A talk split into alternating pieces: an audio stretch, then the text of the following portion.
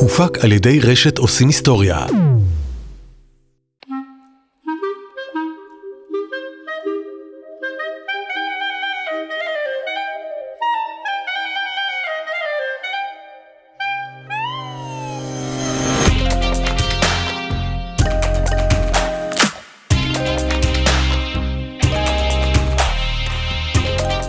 יוצאים בשאלה, הפודקאסט של עמותת הלל.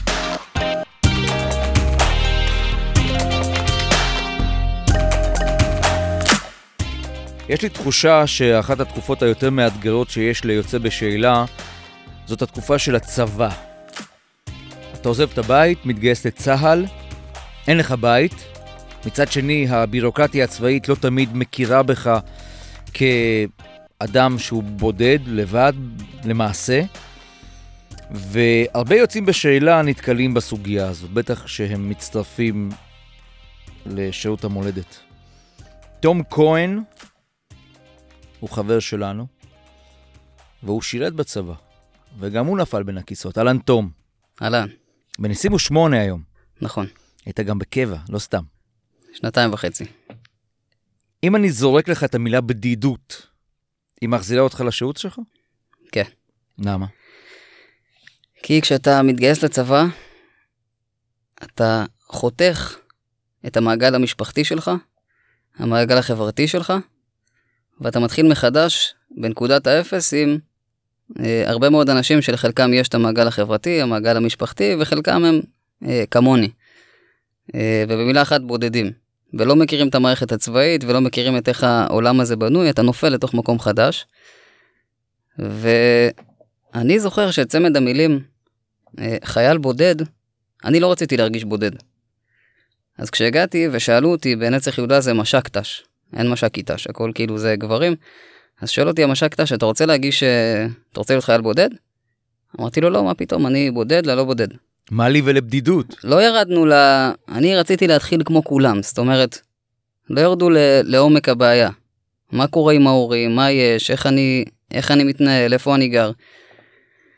ותקופה ארוכה אחרי שהבנתי את זה, ש... שפספסתי ובגדול, והייתי צריך לקנות לעצמי בגדים כי לא היה לי כלום. התגייסתי כשאני שחור לבן, הייתה לי חולצה צבעונית אחת, שאיתה הייתי אה, מגיע לבקו"ם ועושה את התהליך וחוזר הביתה.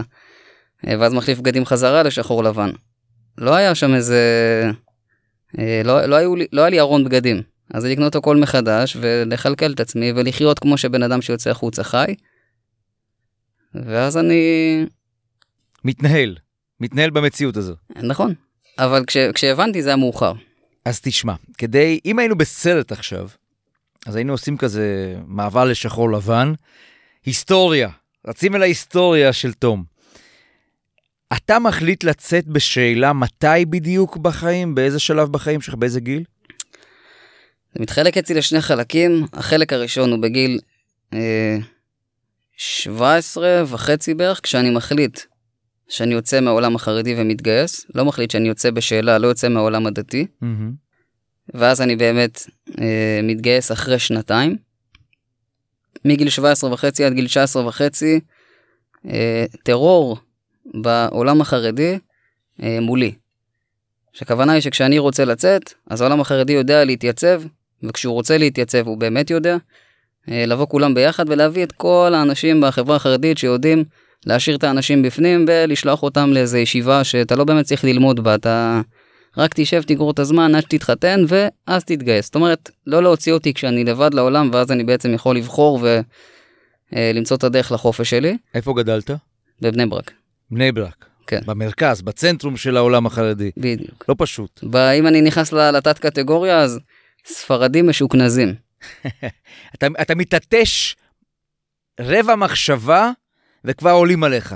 כן, כבר באים לעצור, לבלום אותך. כן. הלו, הלו, לאן אתה הולך? זה כבר השכנים והמשפחה הרחוקה ומתחילים לשמוע ומה קורה ואימא שלי ומה יגידו זה וזאתי.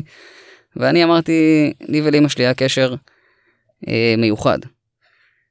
אבא שלי, ואני לא אפרט אה, יותר מדי, אבל אבא שלי היה אדם אה, קשה, אני אקרא לזה ככה, ולי ולאמא שלי היו יחסים, אה, נקרא להם יחסים של הגנה. וכשאני גדלתי וההגנה הגיעה מהצד שלי, אז uh, הרגשתי שאני לא יכול לפגוע בה בצורה כזאת שאני בעצם לוקח את עצמי ומתנתק, כי אותה זה פירק. אז אני אמרתי, טוב.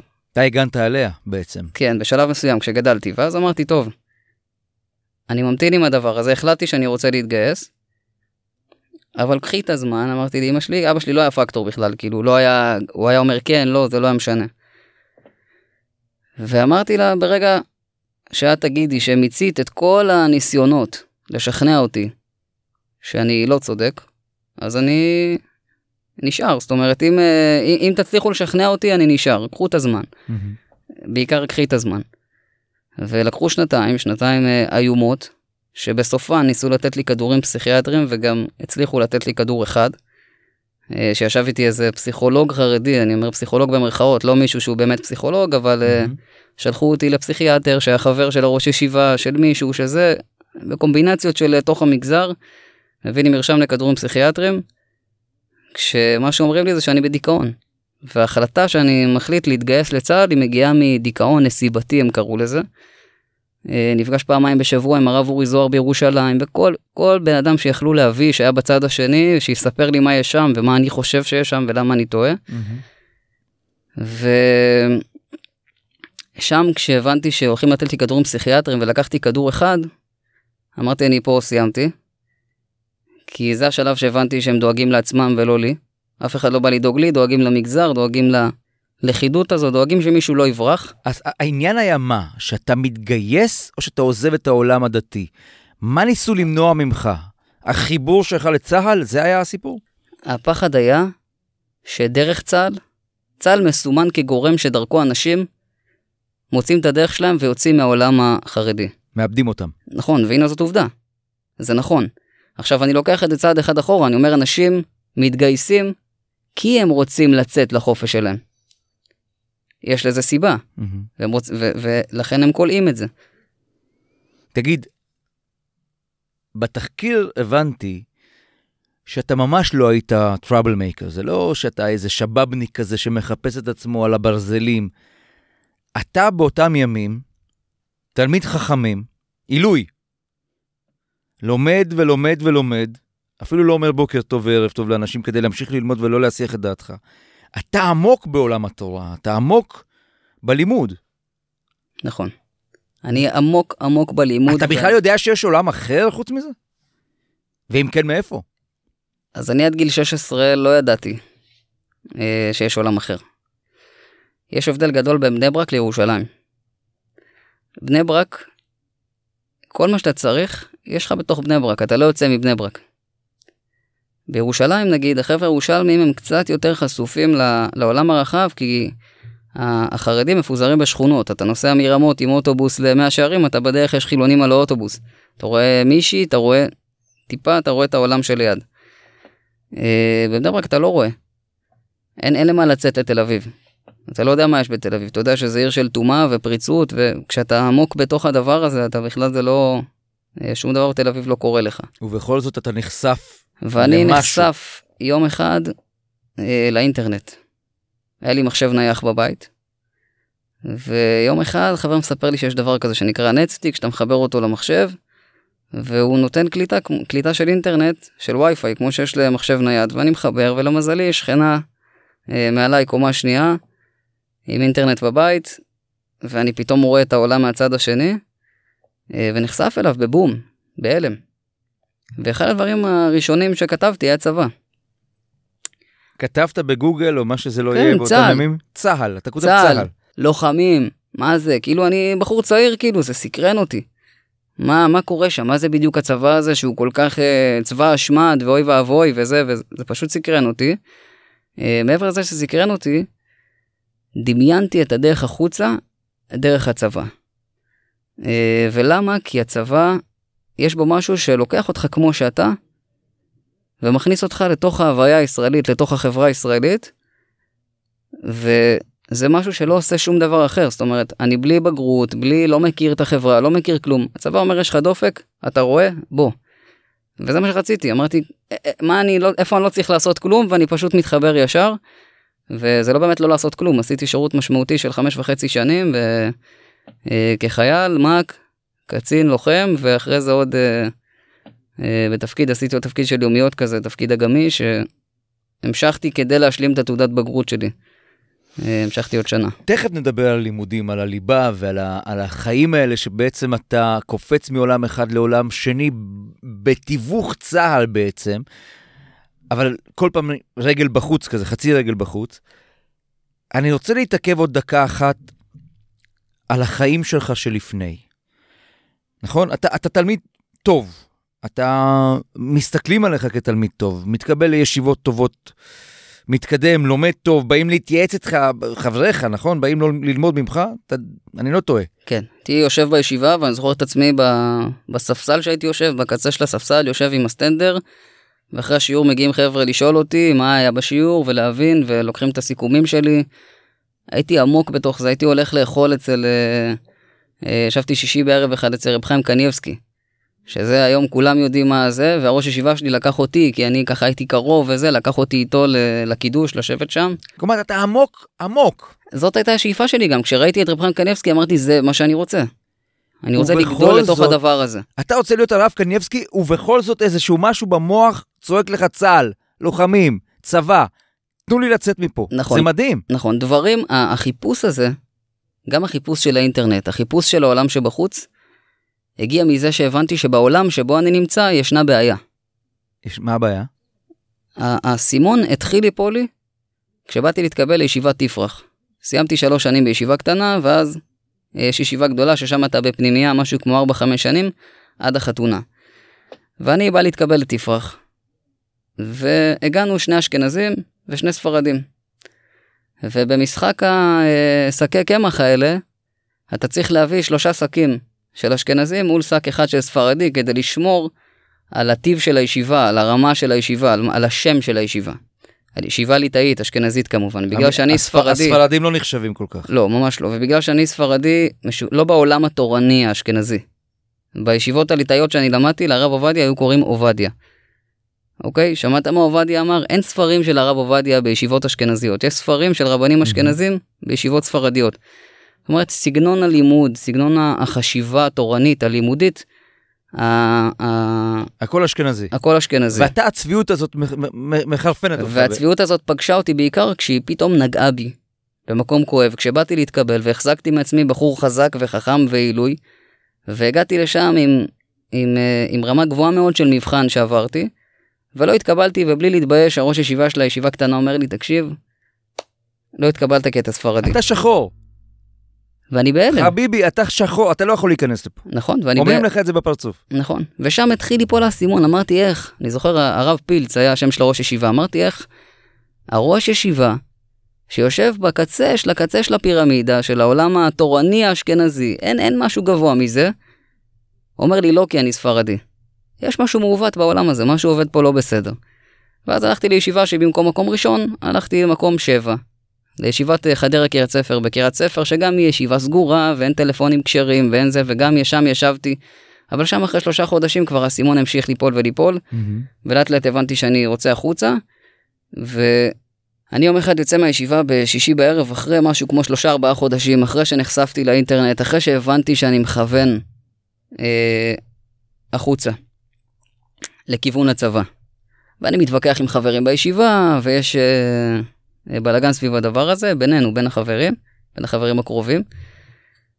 ואני יוצא מהישיבה בשישי בערב, אני ועוד חמישה חברים, בערב, מה זה שישי בערב? משהו כמו שתיים לפנות בוקר. אנחנו יוצאים החוצה למחסום נעלין. כשיוצאים מקריית ספר יש אה, כביש 465, נכנס, יש שם מחסום כזה אה, של כניסה לאיו"ש. ואנחנו מתקרבים לכיוון המחסום, ועומד שם חייל מילואים דתי-לאומי, עם כיפה סרוגה. אבל אנחנו ראינו שהוא מבוגר, חייל מילואים. ואז הוא אומר לנו, תגידו חבר'ה, סתם היה לנו משעמם. אז uh, הסתובבנו, לא היה לי כבר לחץ מחר בבוקר, כבר לא הייתי במצב הזה, אחרי שלושה ארבעה חודשים כבר התחלתי ללמוד פחות. הוא אומר לנו, חבר'ה, יש לכם מיטות בישיבה? אמרנו לו, כן. אז תסבירו לי איך אתם לא ישנים עכשיו. אני, אני עושה 4-8, לא ידעתי אז מה זה 4-8. אני עושה פה 4-8, תוכן, מה, אתה מראה לי מיטה עכשיו, אני נרדם. איך אתם לא ישנים? והרגשתי לא טוב. אמרתי, מה זה, כאילו, יש בן אדם ששומר עליי והוא לא ישן, ואני כאילו, החיים שלי מין פנן כזה, עכשיו הכל רגוע. ואז הוא שאל... בלילה מסתובבים בלילה. כן, ואז הוא שאל שאלה קשה יותר. הוא שאל מה פרשת השבוע, היא לא באמת שאלה קשה, אבל היא קשה בגלל התשובה שלה. הסתכלנו אחד על השני, חמישה שישה חבר'ה, ואף אחד לא יודע את התשובה. תלמידי ישיבה. תלמידי ישיבה, ואז אמרתי, יש משהו מעוות. אנחנו לומדים את המסביב, את הפלפול, את הלהיות חכמים, וקוראים לזה לומדס בישיבות, להיות ישיב שר, להיות מפלפל, להיות חד. אבל את המהות, את הבסיס, אנחנו מתרחקים כי זה לא מעניין, אין בזה... הבנתי כמה אנחנו, כמה אנחנו עושים כזה דבר. אה, מלמעלה. כן, וזה הרגיש לי. בדיוק. לנסות לקחת רק את הלמעלה, בלי הבסיס. והבנתי שהדבר, בגלל זה הדבר הזה הוא לא למעלה, אה, והבנתי שזה לא המקום שלי. גם האמונה נפגעת? כלומר, אתה מפסיק להאמין, אתה מפסיק להיות חלק מעולם האמוני? אני לא מפסיק, אבל היא נפגעת. היא נפגעת. אני זוכר את עצמי הולך לכותל, בתקופה הזאת, בשנתיים האלה, מגיל 17 וחצי עד 19 וחצי, בשלב שאני מרגיש שאני הולך ונעלם, וגם האמונה שלי נפגעת, אה, אני מוצא את עצמי הולך לכותל כמה פעמים, מחזיק את האבנים ובוכה. בוכה ומדבר עם אלוהים כמו שאני מדבר איתך. ואומר לו, אבא, תעזור לי, וזה משפט אבסורדי, היום אני יודע להגיד שזה משפט אבסורדי. אני אומר לו, אבא, תעזור לי להאמין בך. אני מרגיש שהאמונה שלי נפגעת, אני מרגיש שאני הולך אחורה, אני מרגיש שאני מאבד את זה, שאני פתאום כאילו בלי כלום, לא יכול להיות. לא יכול להיות, הסת... והסתירה המצלצלת הגיעה כשבאתי בפעם הרביעית, חמישית, ופתאום שאלתי את עצמי, יכול להיות שאני בחלום? אומרת, יכול להיות שאני לא מדבר עם אף אחד, יכול להיות שאני מחזיק פה את הקיר ובוכה, ואני פשוט עושה את זה כי גדלתי פה כמעט 20 שנה. זאת הייתה סתירה שאני לא יכול... אה, קשה לעכל אותה עד היום, כאילו כשאני אומר יכול להיות שאין כלום, קשה לי עם זה. כי דיברתי איתו. כי, כי בכיתי בתפילות, כי הייתי שם בכל הכוח. אז רגע, זה, זה מנתק אותי לגמרי מה... אני פה אורח, אני פה כמה שנים, כאילו, אני לאט לאט מתחבר. אבל החיים שלי התחילו תקופה מאוד ארוכה, במצב שאני חזק שם. אתה חזק שם פיזית, אבל נפשית לאט לאט אתה מתרחק. או נכון. מתנתק, נקרא לזה כך. ואז מגיעה הנקודה שבה אתה אומר, אוקיי, אני עם הצביעות הזאת, אני עם העולם הזה, אני... זהו, אני סיימתי. אתה הולך לאימא? למי אתה הולך? קודם כל זה לאימא. כל פעם כשבאתי, באתי אליה ואמרתי לה, אמא, החלטתי. אה, זה סופי, אני מתגייס. רגע, רגע, עוד רב אחד, עוד זה, עוד זה. משהו, משהו כמו חמש-שש פעמים אני במהלך השנתיים האלה החלטתי, ואני אומר, די. ובסוף אני מרים ידיים ואני אומר, טוב, עוד קצת, עוד קצת, עוד קצת. וככה זה נגרר. כדורים פסיכיאטריים זה היה הקו שאמרתי, די, זה כבר, זה מוגזם, זה... אני לא הולך לחיות על כדורים פסיכיאטריים. וזה היה אה, בסוף השנתיים האלה, כשאני מחליט להתגייס. ואני אני זוכר, אתה כבר בן כמה? 19 באותה, באותה נקודה? 19, 18? 19 וחצי. 19 וחצי. ואני זוכר שכשאני כל פעם בדרך לבקו"ם, בתהליכים האלה, בשנה הראשונה, הייתי עוד בקריית ספר, בשנה השנייה הייתי בישיבה בראשון לציון, וכשאני מגיע לה- מהישיבה ב- בראשון לציון, שנוסע מבני ברק לראשון ועושה את הנסיעות האלה, חיילים נוסעים על האוטובוס הזה לצריפין, קו 164 מפתח תקווה. המון חיילים, הוא מפוצץ בבקרים, ואני נוסע לישיבה, אני נוסע עם הכובע וחליפה וזה, ואני הרגשתי מין חומה. כי הבגדים שלי היו חומה, באיך שהציבור החילוני מסתכל עליי, והחיילים עם חומה, כי הם עם המדים, ודי ברור שאנחנו בעולמות שונים, ואני, ו- ואתה כבר מפנטז על המדים. כן, ואני לא יכול לדבר איתם אפילו, כל כך רציתי לדבר עם חייל, משהו, להגיד לו, שמע, אני רוצה להתגייס, אני צריך עזרה, כאילו, אני לבד. ולא יכולתי להוציא את המילים האלה מהפה. הייתי מנסה לשבת ליד חיילים, לנסות זה, והרגשתי שאני מקבל מבט של ניכור, ההפך. אבל אתה לא מוותר. אני לא מוותר, ובשנה הזאת אני עושה אה, כל מה שאני יכול כדי לטפטף לאימא שלי שזה יקרה, ושאני אה, הולך להתגייס. ובנובמבר 2012 אני מתגייס. אני מגיע לבקו"ם בפעם השישית. כל פעם הייתי מגיע לדלת של הבקו"ם, ומסתובב ברגע האחרון, כי קרה משהו. כי אמא שלי מתקשרת אליי ואומרת לי, תקשיב, כך וכך, איזה משהו רפואי, זה? חוזר אחורה.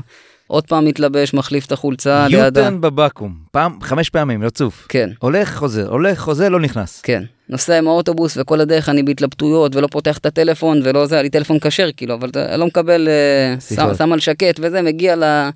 אה, מתקשר לאימא, זה לא קורה. אה, ובפעם השישית זה קרה. ואני הבנתי את זה כשזרקתי את השקית של הכדורים בדרך הביתה, לא אמרתי לאמא שלי שום דבר. אני החלטתי שלמחרת אני מתגייס, ובאתי לבקו"ם, ואמרתי, אהלן, זו התעודת זהות שלי, ואני באתי להתגייס. לא היה לי צו גיוס, לא היה לי כלום, כי עשיתי דחייה חודשיים לפני, הגיע לי בדיוק אה, מועד לעשות דחייה. ואז כשהבינו כבר שאני מתגייס, אז דחפו אותי לנצח יהודה. כי אמרו, טוב, אם הוא כבר מתגייס, אז שלא באמת ילך לצבא הגדול, שלא יהיה בנות, שלא יהיה זה, אז אה, עדיף אם הוא כבר מתגייס, אז מה שנקרא רע במיעוטו. תן לי רגע ב-30 שניות את מה שקורה בבית ביום שאתה באמת בעצם מתגייס. באותו רגע הבית כבר לא הבית שלך? אני, אני חווה, אני חווה ניתוק. אני חווה ניתוק קודם כל, אה, כי אחים שלי לא יודעים מי זה אח שלהם. כמה אחים? במשך שנה אנחנו שבעה אחים, כולל אני. אחים שלי לא ידעו שאני בצבא. במשך שנה, ועוד הייתי גר בבני ברק. איתם? כן. הייתי מחליף מדים בתחנת דלק, לוקח איתי שחור לבן לבסיס, מפרק את הנשק, שם בתיק, וחוזר הביתה. ככה עד סוף קורס מ"כים. אין להם מושג. אין להם מושג מכלום. רק אימא ואבא. כן, אימא ואבא ואחותי הגדולה, שהיא גדולה ממני, והיא נשואה, אז אימא שלי סיפרה לה. אני מבין שאני כבר לא שם. הצבא הוא בית, הוא, הוא מעניין אותי, הוא מוסיף לי פתאום משהו לחיים שלא היה לי, ואני גם בתחושת uh, ניצחון. כי ניצחתי, זה מה שרציתי, נלחמתי שנתיים. בשביל, בשביל להגיע לנקודה אני מרגיש שאני פורץ את הדרך שלי החוצה. אבל אתה בודד, אתה לבד, האחים לא יודעים. ההורים חצי מתכחשים, אני מניח, סוג של אולי הוא יעזוב את זה מתישהו, אולי תחזור לנורמלי. אתה לבד. נכון. בעולם הרגשי והנפשי שלי והכלכלי שלי, אני לבד. מישהו מבין את זה? חוץ ממני לא. כי אני, מה שרציתי, וזו הייתה הטעות הגדולה שלי, אני רציתי דף לבן חלק. אמרתי, אני כמו כולם. אני לא בודד, אני לא מסכן, אני לא זה, אני מתחיל מפה ואני רץ עם כולם, כי כולם בגיל 18 מגיעים לצבא ומתחילים לרוץ. לא רוצה להתמסכן ולהתבכיין עכשיו. אז מה חסר? תעודת בגרות, אני אשלים, אני אעשה, אני זה, אני כאילו לא רוצה להרגיש שאני צריך תמיכה. אתה גם בלי כלים. כלומר, כלים לחיים החדשים. נכון. אין לך בגרות, אתה אומר, מתמטיקה, אני מניח... כלום. ש... אפס יחידות. אתה לומד, אנגלית, אתה מגיע, אתה לומד לא חשבון שם. עד כיתה ז', ואז המורה, הרבה, כשהוא מגיע לשבר עשרוני, הוא מתחיל להתבלבל, ואז שם נגמר השיעור וזהו. אין... אה, אתה לבד עם תיק ריק, לפני החיים, בעצם. ואף אחד לא שואל אותך, לא תוהה, אין בצבא מנגנון שאומר, שמע, התום הזה, אני לא יודע, שמע, הוא חרדי, אתמול הוא עוד היה חרדי, הבן אדם עוד מחליף בגדים, אף אחד לא שם לב לדבר הזה? לבדידות הזו שאתה חווה? לא, ספציפית בנצח יהודה גם, בגדודים החרדים, אתה לא שונה. זה לא שיש אחד חרדי כזה שבא עם בית חרדי, ואוקיי, הוא בולט. נתמקד עליו רגע, נראה מה קורה איתו. אתם כולם. וכל אחד עם, יש לו סיפורים קשים יותר וסיפורים קשים פחות, ואנשים שגרו על ספסל תקופה.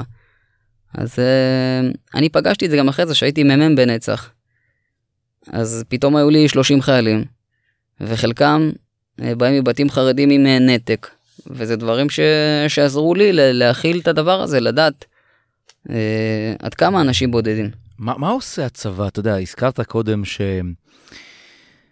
שהעולם החרדי מאוד מפחד מן הנתק הזה, מן החומה שנוצרת עבור אדם דתי כשהוא נכנס לעולם האמיתי של הצבא. ומה קורה לילד, צעיר, לא ילד, צעיר חרדי, בצבא, יש באמת מנגנון שמפריד אותך מהעולם האמוני, מהעולם הדתי? מנגנון פסיכולוגי? אין, אין מנגנון פסיכולוגי כמו שיש שבירה של החומה. אותה חומה שאני הרגשתי שאני לא יכול לגשת ואפילו לדבר עם הצד השני, החומה הזאת היא בגדים, היא כובע וחליפה, אתה שחור לבן. אתה אוטומטית מקוטלג. אני פתאום הולך על מדים, אני כמו כל חייל שהולך על מדים, ואני כמו כולם, אני יכול ללכת פתאום אה, פה לתל אביב ולצאת ולשתות משהו, ואני אני פתאום מסתובב חופשי בעולם, אין את הדבר הזה שמקטלג אותי, שאומר מה בדיוק אני. והמסגרות, אותה חומה שהחבר, שהחברה החרדית מייצרת לעצמה, היא בנויה הרבה מצורת הלבוש, מאיך שהם נראים, איפה שהם גרים, הכל זה, זה, זה חומות פיזיות. מתי אתה יוצא מהבית בבני ברק? מתי אתה בעצם מזהה מול עצמך ש...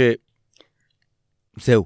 אני, אני, אני לא חוזר הביתה, אני לא, אני לא ממשיך בהצגה הזאת של החלפת המדים והבגדים. כשאני פותח את הטלפון בשבת, פעם ראשונה, אני אומר זהו, אני לא נשאר פה, אני כבר, אני כבר חילוני.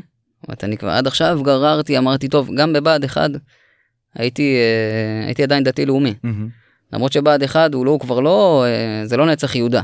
לא. יש בנות, יש זה, יש הכל, אבל עדיין הייתי עם כיפה ועוד לא עשיתי... בה"ד 1 הייתה נקודה דווקא ששם נחשפתי לצבא שרציתי להיחשף אליו. אותו, אותו צבא ש...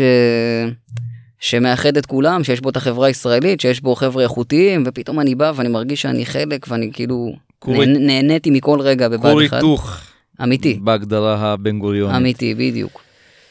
ואתה מזהה, מג- מגלה את זה בעצם. וזה ממלא לך את, החס... את- את החסך הזה, את הבית בעצם? אתה מתחיל להרגיש שהצבא הוא הבית, כי אתה גם נשאר בקבע הרבה שנים, ו...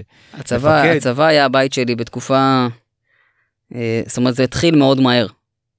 זה קרה כשהתגייסתי, Mm. כי זה הפך להיות מקום שאני אוהב, מקום שממלא לי את החיים, אני עושה משהו שאני רוצה. כן. אני אחרי שנה, שסיימתי קורס מ"כים, אה, אחים שלי נחשפו לזה שאני בצבא. גרתי שנתיים בבני ברק אצל ההורים, במהלך השנה הראשונה הם לא ידעו, במהלך השנה השנייה הם כבר ידעו. מה שקרה זה שאחי הלך למרפאת שיניים שלושה ימים אחרי שאני הייתי שם, והמזכירה, שזכרה אותי שבאתי על מדים, אמרה לו, נתנאל, מה שלום אחיך בצבא? והוא פותח אליה עגל גדולות, ואומר לה, מה? חוזר הביתה, ומשם כבר היה קשה לעצור את זה, וזה התגלגל, ואז גם האחים האחרים ידעו. ואז היה לגור בבית, אבל לצאת בארבע לפנות בוקר, או בחמש, לפני שהשכנים קמים, כדי שהשכנים לא יראו אותי, ואז מה יגידו, והמשפחה, והזה. אז הייתי יוצא מוקדם, וחוזר בשעות מאוחרות, וזה היה המשחק במהלך השנה השנייה, ואז אמרתי, די, אני מסיים עם זה ו- ויוצא, בטח כשזה בא כבר עם ההקשר האמוני, והבנתי שאני רוצה באמת באמת לצאת לעולם שבחוץ. מי אתה פוגש בחוץ חוץ מהלל? אני, אני להלל לא רציתי לפנות. לא רצית. אמרתי להלל, אני לא פונה, בחברה החרדית קוראים להם כת הלל. ואני אמרתי, יש גבול לכל תעלול, עם הלל אני לא מדבר. זה קו אדום. אני הייתי בטוח שהלל זה המיסיונרים שרוצים להטביל אותי לנצרות, יש שם איזה עניין, לא יודע. לא מתעסק עם הלל. וזה מטורף, כי זה השם שמייצרים להם בחברה החרדית, כי הם מפחדים. מתי בכל זאת אתה נפגש? אחרי... בכת. עם הכת אני נפגש אחרי משהו כמו שלוש שנים. אולי קצת יותר. Mhm. כשהבנתי שאני יוצא לעולם האקדמיה ואמרתי רגע הלל עוזרים עם, אה, עם אה, מלגה לחבר'ה שיוצאים בשאלה ו... אז שנייה נדבר איתם נראה מה אני אני אגשש רגע מה מה קורה שם. ופתאום נחשפתי באמת לעמותה מדהימה ונחשפתי לכולם ול... וכל התקופה הזאת, אתה מבין, שאלתי אותך קודם, שאין לך כלים לעולם החדש שבחרת בו. אין לך בגרות, אין לך שפות, אין לך, אין לך כלום. ואתה מתחיל ללמוד, נכון? בין לבין משלים פה ושם עוד בגרות ועוד בגרות. השלמתי את כל התעודת בגרות במהלך שנה. בשנה האחרונה של השירות הצבאי שלי, בגלל זה נשארתי. אה, חתמתי עוד שנה וחצי קבע בתפקיד של לאומיות, אז ביום הייתי בצבא ובערב הייתי לומד. חלק מהמקצועות למדתי לבד וחלק למדתי עם, אה, אה, בכיתות. וסיימתי תעודת בגרות, וזה מה שרציתי לפני שהשתחררתי, לא לצאת אה, עציץ כזה באוויר לא מחובר לכלום. אתה יודע, אני, אני חייב לשאול אותך לסיום. אתה חושב שהצבא מפספס אנשים כמוך? במובן הזה שהוא לא יודע מספיק על מה שאתה עובר בתוך התהליך? אה, חד משמעית כן. חד משמעית כן, כי לשאול מישהו, אתה רוצה להיות חייל בודד? הוא לא יודע מה זה חייל בודד. מה התנאים? אותו יום התגייסתי, עברנו שרשרת מהזה, עוברים, יאללה, עוברים במשרד ת"ש. פעם ראשונה אתה פוגש את העולם הזה של הת"ש, אתה לא יודע מה זה בכלל. אם הייתי יודע שחייל בודד זה אומר שאני מקבל אה, כסף לשכר דירה כל חודש. הייתי מקבל, לא הייתי סובל את היציאות האלה בשעות מוקדמות, הייתי פשוט יוצא ושוכר דירה. לא הייתי נשאר שם וכזה בהלם מהחיים. חיכיתי לרגע שיהיה לי כסף, ברגע שהיה לי כסף, אה, נכנסתי לקבע, יצאתי ושכרתי דירה בפעם הראשונה, במשכורת הראשונה שלי. קניתי רכב, שכרתי דירה, ועפתי לעולם שלי. אבל לא יכלתי, זאת אומרת, יש חיים במקביל לחיים בצבא. והצבא יודע לדאוג יפה לחיילים הבודדים ב- ב- בעולם המקביל, אבל את החיילים אה, כמוני הוא מפספס, והאנשים האלה הרבה פעמים צריכים לריב עם הצבא אחרי זה על קטנות של רגע, כן דיברתי עם אמא, לא מדבר עם אמא, אני כן בקשר, לא בקשר. תמיכה כלכלית מן הסתם אין, אבל מה זה משנה אם אני בקשר או לא בקשר? העולם הזה הוא עולם שמנותק מהעולם שלי היום ברגע שאני מתגייס. אני צריך את העזרה והתמיכה בחיבור לעולם שבו אני נמצא היום. זה קטע מעניין, כי לו היית פונה להלל, דבר שפחדת בהתחלה, היית מבין שיש מסלול שלם ש, שבנוי שם לחיילים חרדים שמתגייסים. פספסת. נכון, כי פחדתי לפנות הלל. לא שפחדתי, הייתה לי רתיעה פשוט מהשם הזה. אני עוד זוכר בישיבה, היה חייל, אה, לא חייל, זה מצחיק, אני אומר חייל, כי אחרי זה פגשתי אותו בצבא, היה מישהו שהתג... ש... אה, יצא דרך הלל, כאילו יצא בשאלה וזה, mm-hmm. והיה שנתיים מעליי בישיבה, ואני זוכר שהיו מדברים על אותו אחד שהלל לקחו אותו, הוא הלך להלל, יש שם איזה כאילו, הייתה עננה. כן. ופתאום כשהייתי קצין פגשתי אותו, קצין ב... אה, בהנדסה קרבית הוא היה, ואני הייתי קצין בנצח, ונפגשנו באיזה מסגרת איזה תרגיל בצבא, וזה היה מצחיק. כולו סבבה, עם מלצדה פתוחה, וסתם, לא זה לא היה. תום כהן, תודה. תודה לך. עד כאן פרק נוסף של יוצאים בשאלה, הפודקאסט של עמותת הלל. תודה רבה לעמותה על התוכן המרתק. תודה רבה לבן אור הברי, עורך התוכנית. אתם מוזמנים להאזין לפודקאסט גם באפליקציות שבסמארטפון שלכם. למשתמשי אייפון, היכנסו לאפליקציה הסגולה שמגיעה עם מערכת ההפעלה. אם אתם משתמשי אנדרואיד, היכנסו לחנות האפליקציות וכתבו בעברית עושים היסטוריה. והורידו את האפליקציה כמובן. תוכלו להאזין שם לכל פרקי התוכנית וגם לשאר התוכניות של רשת עושים היסטוריה. תעשו בבקשה לייק לעמוד הפייסבוק של עמותת הלל, שם תוכלו לקבל עדכונים על הנעשה בעמותה. אפשר לפנות לעמותה דרך האתר החדש בכתובת הלל.org.il או דרך מספר הטלפון 03 510 1401. אני הייתי עטילה שומפלבי, להתראות בפרק הבא.